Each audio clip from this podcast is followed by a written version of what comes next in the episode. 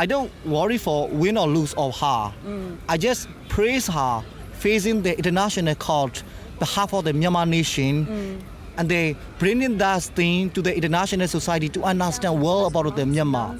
Now, uh, for the first time, uh, after six decades of military dictatorship, a civilian government is now in power. 400,000 Muslim minority wrote Daw Aung San Suu Kyi is now the state counselor.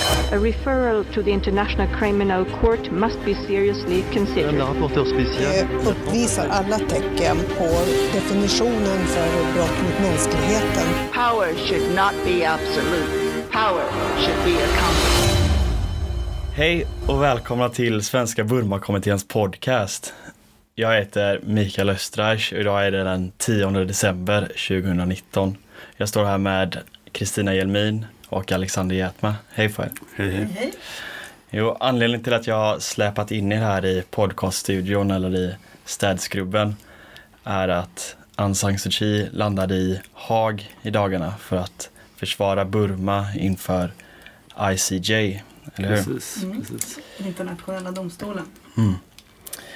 Eh, och Kristina, du har precis kommit hem från Yangon. Mm, mm. Så vi ska prata lite grann specifikt om reaktionerna i Burma till Aung San Suu Kyis resa till Haag. Mm. Och också lite om fallet i Haag, eller hur? Absolut. Men innan vi gör det så tänkte jag att vi ska reda ut några saker. För det har, samtidigt som det här fallet i ICJ har kommit upp så finns det två andra parallella spår för ansvarsutkrävande för de här folkrättsbrotten som har pågått i Norra Rakhine som jag pratade om tidigare. Mm. Precis, och det är ju lite förvirrande för att under loppet av en vecka här ganska nyligen så skedde det väldigt snabba utvecklingar här på de här tre parallella internationella spåren då. Och det som skedde då under en och samma vecka var att dels att Gambia då stämde eller tog Burma, drog Burma inför rätta i ICJ, då internationella domstolen i Haag, alltså staten Burma. Det är det vi ska prata om idag. Det är det vi kommer att prata om idag då för brott mot FNs folkmordskonvention. Eh, och samma vecka så framkom det även att ICC, då, den internationella brottmålsdomstolen, också i Haag, eh, har, där har man då beslutat att man nu öppnar en formell utredning mot Burma. Och då i den domstolen fokuserar man ju på brott som begåtts på gränsen mellan Bangladesh och Burma. Därför Burma är inte part i Romstadgan och hela den biten. Och det här har vi då poddat om för ett år sedan. Så behöver man gå in i detaljerna så tror jag vi redde ut dem då, delvis i alla fall. Och skillnaden här kanske är ju dels att eh, eh, man i ICC framförallt fokuserar på individer som begått brott mot mänskligheten, krigsbrott och så vidare. Eh, I ICJ så är det då staten Burma som hålls ansvarig eller står till svars. Och det tredje spåret är då i Argentina där man under det som kallas universell jurisdiktion, som vi också talat en del om tidigare, eh, anklagat individer för brott. Och då är det i universell jurisdiktion då i vissa länder så tillåter lagstiftning att man helt enkelt kan åtala folk för brott som begåtts även om de begåtts i andra länder och då är det framförallt vissa av de här internationella brotten som är särskilt grova. Men som sagt idag talar vi framförallt om ICJ som är det här aktuella fallet. Det är spännande också för Burmas reaktion på de här tre olika fallen har ju varit helt olika när det gäller ICC, internationella brottmålsdomstolen och även det här fallet i Argentina så har det varit, de har kategoriskt bara avfärdat. Eh, och de det finns ingen trovärdighet i det här alls. Um, uh, men när det gäller ICJ så har ju Burma då um, svarat med att faktiskt åka med en stor delegation till Haag. Och det har att göra med att det här är en konvention som de faktiskt har undertecknat och de vill visa att de tar det här på, på allvar antar jag. Precis, okej, okay. så idag handlar det om ICJ helt enkelt och kanske framför allt Aung San Suu Kyis resa för att försvara Burma inför ICJ i Haag. Där förhandlingarna började idag faktiskt, tisdagen den 10 december. Det är ju väldigt speciellt för att det var ju hur många veckor sedan, en månad sen det här kom, mindre. Och redan nu så är det då förhandlingar. Men mottagandet i landet har varit lite blandat. Kristina, Kristina, du har lite bättre koll i och med att du precis landat från Yangon. Kan du berätta lite om reaktionerna i Burma? Lite blandat vet jag inte, man får väl säga att det varit översvallande stöd för det här då. Alltså för det var ju ett förvånande beslut att Aung San Suu Kyi då själv beslutade sig för att hon ska leda den här delegationen som åker till Haag. Det är väldigt ovanligt, det har tydligen aldrig hänt, tror jag. Ehm, och då ta- liksom, att att, att, ja, för att det brukar ju vara en, någon jurist. Ja, ja. justitiekansler eller något. Men hon tar ju då på sig rollen som agent, tror jag det heter. Att hon liksom då ska vara den som eh, försvarar, alltså talar eh, på regeringens eh, Vägnar, vägnar. liksom. Ja. Mm. Eh, så det är ju väldigt speciellt. Och jag tror att det, det har gjort att det har blivit så, så stort. För hon är ju sån väldigt speciell person i Burma. Så, ja, men du sa att det hade varit ett blandat mottagande, men väldigt starkt stöd alltså.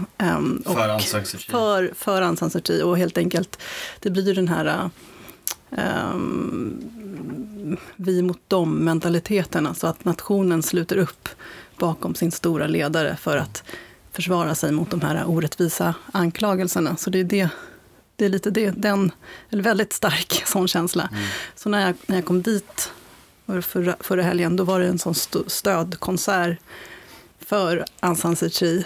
Ehm, och man ser liksom på, på sociala medier och sådär, så var och varannan har satt upp sådana här skyltar där det, det står så, vi, ja, vi stödjer Aung San Suu Kyi, vi, vi står med Aung San Suu Kyi. Och det är ju ja, otroligt förvåna, förvånande egentligen för Ja, både och väl egentligen. jag tänker från västs sida, liksom, att, att det ser väldigt eh, annorlunda ut. Att eh, ett helt land liksom st- st- ställer sig bakom att, att försvara regeringen mot folkmord. Vi tänkte att vi skulle gräva lite djupare i det här med att man står bakom henne och står bakom det här försvarandet utav folkmorden till viss del kan man väl säga. Du gjorde även två intervjuer när du var i Burma. Kan du inte berätta lite vilka det är vi ska få höra alldeles strax? Mm. Men det var ju te- verkligen temat, alla pratade om det här. Liksom. Så det var, vi pratade med många olika personer, men jag intervjuade två unga eh, människorättsaktivister. Och en kvinna då, eh, Mammon, som eh, Ehm, ja, är positiv till att det kommer internationella eh, krav på ansvarsutkrävande. Och sen en, en man, Kotin, som eh, stödjer, ja, är en, en av dem som stödjer Aung San Suu Kyi och är negativ till det här in- initiativet.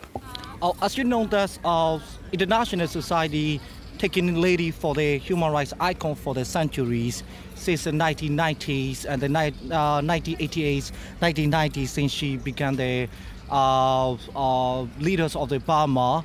And there's, I still believe in that she began this uh, following the human rights uh, principle. As you know, that she's a not general uh, leader, but also she uh, she is a leader of the nation and the the, the most rated uh, leader in the world. And the Rohingya issue is happening since not only in the 2012, but that's already happened in the uh, since uh, we got the independent. You will ha- hear the Mujahideen issues. You will have the Northern Rakhine issues in this uh, parliament era. We got it. So these issues uh, is talking in the international society for long, and then only the talking, naming the blamings, but never having raised as a, a trial, never having raised as a thing. So, in the time of the lady Aung San Suu Kyi, uh, administration time, um, that would be very good for this uh, to solving this program, uh, this to solving this uh, matter for the more positive way. And they, I still believe in that as a leader of this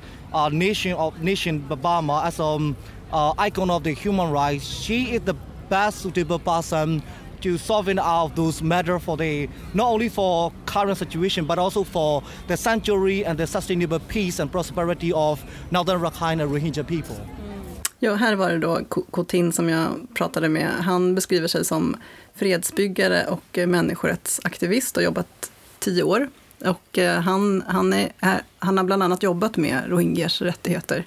Så han, han är väl insatt i frågorna. Så. Men han, vi hörde ju tydligt här hur han talar väldigt eh, ödmjukt och uppskattande om Aung San Suu Kyi, som han säger är den mest bäst lämpade personen att, att lösa det här. Så också den mest pacifistiska. Här. Ja, väldigt många stora ord om, om henne. Och det är ju väldigt spännande. Och, för det är ju så, han ja, representerar ju på ett sätt um, det som väldigt många tycker. Hon har ju en, fortfarande en väldig särställning. Han talar ju om henne som en väldigt upphöjd person. Så han har um, höga förhoppningar helt enkelt inför veckan. Men sen pratar han också om själva rohingya-frågan och att det finns en orättvisa i sättet det tas upp nu, eller? Ja, men han, han nämner ju då att det här med förföljelse av rohingyer har ju skett eh, under en väldigt lång tid. Och det orättvisa som han tycker i att det är först nu som de här domstolsfallen tas upp och att det blir då Aung San Suu Kyi som ja, på något sätt anklagas. Och han han, han, han är ju inte positiv till, till själva åtalet. Men han är positiv till att Aung San Suu Kyi har tagit på sig rollen att uh, försvara nationen. Mm. Han hade också en, en spännande citat. Att han jämförde henne med en le, lejon... Mamma som, kommer, som ställer sig upp för att försvara sina, sina barn, det vill säga nationen. Det är ju en ganska vanlig beskrivning av situationen. Samtidigt från andra sidan, eller folk som är mer kritiska kanske mot det här, som jag tror vi ska höra på sen, så hör man ju ofta, alltså, man snarare ifrågasätter varför hon ställer sig då som en sån här lejonhona, för att den hon försvarar i änden är egentligen militären och militärens agerande. De som faktiskt har begått de här brutala övergreppen.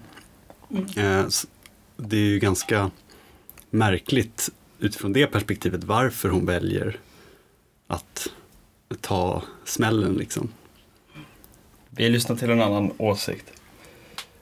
Um, from my point of view, is a really good, one, good thing um, because um, we have a very long time at that kind of uh, human rights violations and oppression to the other races and religions by the military. Um, since to the, uh, since 1962, uh, they they they got power and they oppress all the ethnic and they do a lot of human rights violation in the ethnic region, um, but who never knew that um, some um, uh, activists and civil society uh, they're trying to speak out about this kind of information, um, but well, but who never but. Um, we never we never afford to sue or we never uh, afford to the, the only we we can do is just naming and shaming mm. and so this this one is I think this one is good for the future mm. yeah mm. Här fick vi höra en liten annan åsikt av Ja, nu var det Mammon som jag pratade med. Hon är eh, Executive Director för en eh, tankesmedja. Och eh, precis, hon har ju en helt mot, motsatt ståndpunkt. Det är kanske viktigt att säga först att det här är en väldigt liten majoritet, väldigt liten minoritet mm. um, som uh, välkomnar de här internationella initiativen och välkomnar uh, den här processen i, i internationella domstolen, ICJ. Men hon säger lite, på lite liknande sätt som den tidigare personen att det har skett kränkningar eh, under många år mot många olika minoriteter. Så där har de samma historiebeskrivning. Men hon välkomnar då att det äntligen tas upp fall så att man kan utkräva ansvar. Mm. Eftersom att man tidigare inte har haft några sådana verktyg. Och det har ju att göra med, om man får läsa in lite grann där, eh, att i Burma så har ju militären en, en sån särställning att det inte går att åtala dem eh, Nej, i vanliga domstolar. Och ja, de lokala initiativ som finns är ju inte trovärdiga. Nej. Mm. Ja, precis. Och de här internationella initiativen då som har kommit igång nu ja, bara den senaste månaden egentligen, men som kanske har varit eh, på gång då de senaste åren, eller sen, framförallt sedan augusti 2017 när det var den här stora flykten till Bangladesh. Eh, I kontrast till det så finns ju de här olika inhemska mekanismerna och initiativen som har jag tror det är Yang Hili själv som sa att det var åtta stycken, räknade hon till, hade varit genom de senaste åren. Och det här var, hon sa det kanske för två år sedan. Och jag menar, ingen av dem har lett till något, eh, något eh, i termer av ansvarsutkrävande. Slutsatsen har ju varit att militären inte har gjort något fel. I, i flera av dem, absolut. Och sen har det ju varit sådana här tribunaler också, militärtribunaler, liksom som också väldigt tveksamma interna processer utan insyn ofta dömdes ju ett antal soldater, ganska lågt eh, rankade soldater för den här Indin-massakern mm. som jag tror många minns. Mm. Men de släpptes ju i förtid. Eh, så, och det drar ju liksom ner trovärdigheten på någon, vad ska man säga, större övertygelse att faktiskt ställa folk inför rätta. Och sen har ju både FFM och specialrapportören och andra kommit fram till att de inhemska initiativen saknar dels resurser, de är inte oberoende och de har, verkar inte ens ha viljan att verkligen utkräva ansvar. Mm. Eh, och det är därför de här internationella processerna är så viktiga. Om vi um, kommer tillbaka lite till det du sa innan Kristina, att uh, Kotin, den här första intervjun vi hörde, att den åsikten var lite mer representerad egentligen. Um, så tycker jag också det är intressant att få höra hur kommer det sig att hon har ett så pass stort stöd? Hur, hur, hur går det ihop att så många försvarar henne för att hon försvarar de här hemska brotten som har begått? Mm. Det går ju nästan inte att förstå, eller jag kan inte riktigt förstå det själv heller. Och när man, när man är där så känner man också absurditeten i det hela. För man har hela tiden i bakhuvudet de brott som har skett. Det var ju alltså eh, planerade, samordnade massakrer på just rohingyer. Eh, 10 000 personer som dog inom loppet av några veckor och hela byar som brändes ner. Så otroligt grova brott. Och samtidigt har man då den här motstående bilden av människor som ja, gör enad front mm. för att försvara det här. Mm. Um, men um, det handlar alltså om en kombination av saker. Och vi, vi, kan lyssna kanske igen lite grann på vad våra intervjupersoner säger. Um, men jag tror att det, att det ligger mycket i det. De säger att det är dels, dels så Dels handlar det om hur hur det här har presenterats för mm. folket. För om man läser både privata, alltså oberoende och um, statliga med, medier så är ju bilden att uh, det här är helt orättfärdiga anklagelser, att rohingyerna uh, in, att, att det är falskt, liksom, de här mm. anklagelserna. Och att man stödjer därför Aung San Suu Kyi, att hon ska åka och förklara hur det egentligen ligger till. Mm. Att det finns inget folkmord. Mm. Så att det är liksom den dominerande uppfattningen som människor har. Mm. Um, och till det att man känner ett verkligt hot då från muslimer eller rohingyer, att, mm. att uh, det finns ett hot mot, mot landet mm. um, i, i att de här människorna ska ta, ta över landet. Det låter mm. ju så konstigt att ens prata om, men det är den bilden som, som finns. Ja, men vi tar in Kotin och Mammon igen. Eh, och vad de har att säga om varför Aung San Suu Kyi har fått så stort stöd i detta. We still believe in the lady Aung San Suu Kyi never deviant her belief. I mean, uh, especially human rights. You know, she can be holding, criticizing Rohingya issue as an icon and saint of the international society. She can live in that. She can go any nations. So even the park, city, and the roads are named by her, I mean, the, uh, are the named by her name. You know, mm. outside Suji Road, outside Suji Park. She can live any nation, but she never ran away from nation. Mm. She got out the nation once she got the power, mm. or once she began the sun title, because she she believed that we need her. You know that uh, Burmese people they really love Aung San Suu Kyi. They always believe and so, support to her. Uh, long, long year ago, and uh, in in 2015, and then the government land, win landslide, uh, win in landsliding by an election. Um, because of the people love and believe to the Aung San Suu Kyi. And so they, they, they always talk like that. She's she's a very uh, innocent and strong and brave woman, and she she sacrificed her life. Uh, she sacrificed uh, herself mm, for the for us for the country. She really loved uh, the people. She really loved the country. So we need to support. We need to believe uh, that kind of thinking and opinion they have. Uh, so. Ja, som vi hörde här i intervjuerna så är ju Aung San Suu Kyi verkligen en, en ikon i Burma. Um, och det verkar vara en bild som många delar. Kristina? Ja, men de, de är inne på det båda två. Um, um, Cotin, han, han, han talar ju otroligt vördnadsfullt om, om henne. Um, ja, som ofelbar nästan. Och att det är därför hon har så stort stöd, för att hon, hon är den rätta personen. Hon kommer representera landet på ett fantastiskt sätt.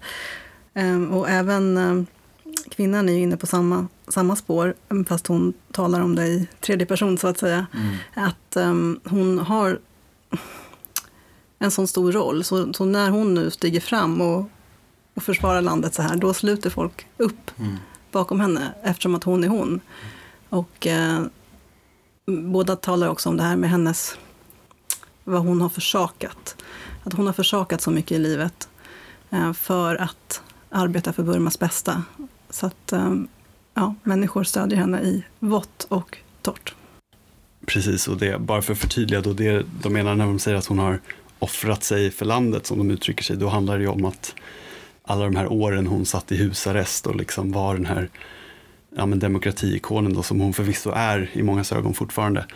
Eh, och att hon i princip fick offra relationen till sin egen familj.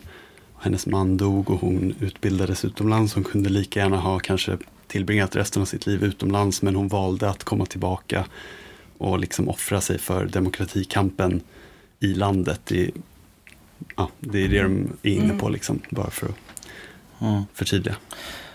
Jo, men det jag, det jag tänker på när du berättar Kristina att hon har så otroligt starkt stöd och folk följer henne vad hon än säger så tänker jag som utifrån ställer jag mig frågan varför hon använder hon inte det här starka stödet till att istället stå upp för rohingyerna eller liknande.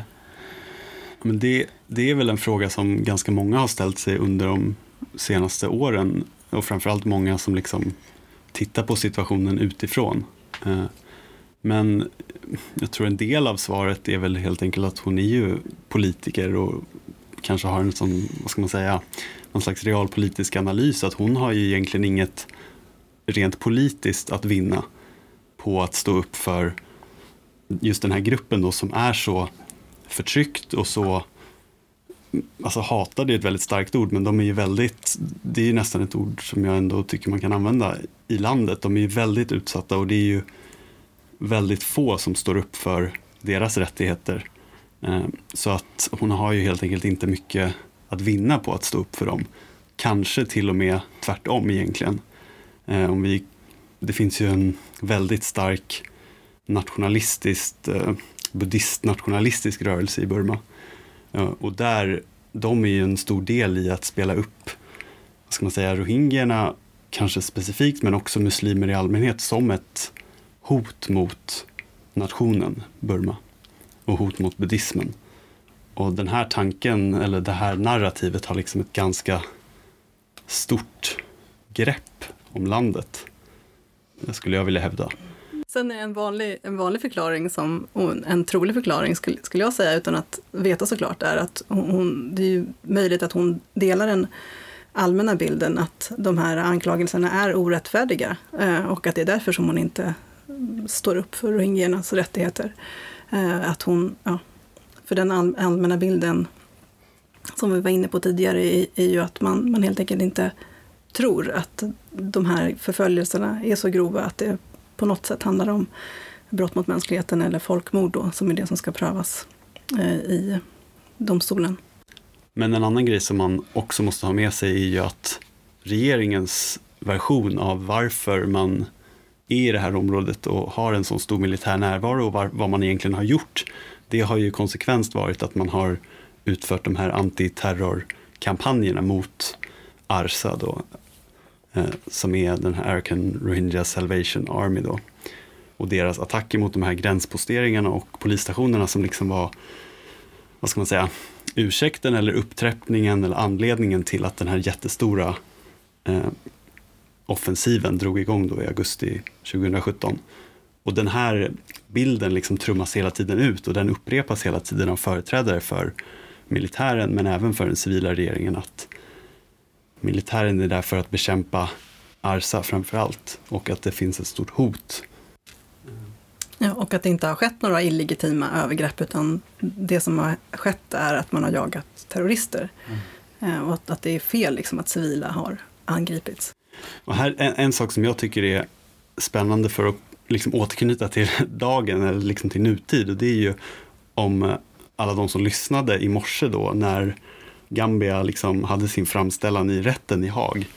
Eh, det var ju liksom att de till stor del upprepade ju de anklagelser och eh, betraktelser och slutsatser som FFM och Yang Hili kommit fram till och rapporterat om tidigare. Men när man lyssnar till dem så är det ju, de har ju väldigt trovärdig liksom, de har ju ett väldigt trovärdiga argument och lägger fram starka argument för sin sak då, bedömer jag det som lekman liksom, i den här rätten. Och jag har ganska svårt att se då vad Burma och deras då ombud Aung San Suu Kyi själv, hur de kommer bemöta det här på den internationella arenan. Mm. Så, och det kommer ju ske då imorgon och i övermorgon om jag inte mm. minns fel. Och det är ju liksom, jag tycker det ska bli väldigt spännande att se för att de argumenten som kanske har framförts och den här propagandaliknande diskursen som de använder sig av inhemskt i Burma har ju hittills nästan haft motsatt effekt i det internationella samfundet. Eh, och frågan är om de kommer köra på samma linje då imorgon och då kommer det förmodligen inte vara till deras fördel. Så det är väldigt spännande att se vad de, hur de lägger fram sin argumentation. Jag, jag skulle vilja uppehålla mig lite vid det här du kallar för propagandaliknande diskurs. Mm. Hur upplever du Kristina att man kan få den typen av ganska grov diskurs ändå eh, att få fäste i landet? Mm. För det verkar ni ändå ha fått om jag har förstått det rätt. Ja men då får man kanske, alltså jag, det går inte att svara på, det är ju på ett sätt väldigt svårt. Men, mm. men att man ändå får gå tillbaks liksom, historiskt. Att det här narrativet med eh, att liksom, buddhismen är, dels har en särställning och dels eh, behöver skyddas. Eh, det är ju någonting som lärs ut i, i skolorna och som eh, den gamla militärregimen också propagerade väldigt, väldigt starkt för. Så det är liksom en världsbild som mm. folk bär med sig. Bär med sig. Tänk att det kan vara viktigt att komma ihåg också när man ser detta utifrån och tänker att det ser så absurt ut att mm. hon har så starkt stöd för att försvara de här brotten som ändå det finns väldigt starka bevis för. Mm. Men jag tänker att man får ta in en lite en bredare bild som handlar om ja, hur utbildningssystemet ser ut eh, och eh, att den här bilden av att buddhismen har en särställning och att, eh, ja, att man helt enkelt ser ner på andra religioner, tror jag man vågar säga. Ehm, den, den lär sig ut i skolorna. Och sen tror jag också man kan hävda med, med rätta att ehm, den liksom propaganda som militärregimen byggde på mycket, det var ju det här med att ja, buddhismen och burmanernas överhöghet gentemot andra minoriteter. Um, ja, och sen så eh, en tredje sak också, hur, hur mediebilden, det människor tar del av dagligen, är ju ganska grova beskrivningar av eh, religiösa minoriteter som ja, kan framstå som väldigt främmande. Mm. Man måste, en grej som vi har varit inne på hela tiden men som är viktig att komma ihåg det är ju just den här delningen eller liksom splittringen mellan den internationella bilden av vad som sker i landet och den inhemska. Som ju verkligen är, de talar ju knappt med varandra de två historiebeskrivningarna. Liksom. De är väldigt olika och fokuserar på helt olika saker. Och framförallt då i just den här rohingya-frågan. Mm. Om vi eh, hoppar tillbaka lite och fokuserar återigen på ICJ och framförallt frågan varför Aung San Suu Kyi väljer att resa till Haag. Vi var inne på det lite i början av podden men jag har hört några olika teorier, teorier både från dig Kristina som du har berättat när du var där men också från mediehus i mm. väst och i Sverige mm. och sådär. Ja, nej, men en, en, van, en vanlig tanke är ju att det handlar om det stundande valet här nästa år. Att det helt enkelt är ett sätt att, um, otroligt nog, fiska röster. Uh, att, få, att man, man liksom använder sig av det här nationalistiska, starka strömningarna som finns uh, för att uh, ja, bygga stöd inför valet. Mm.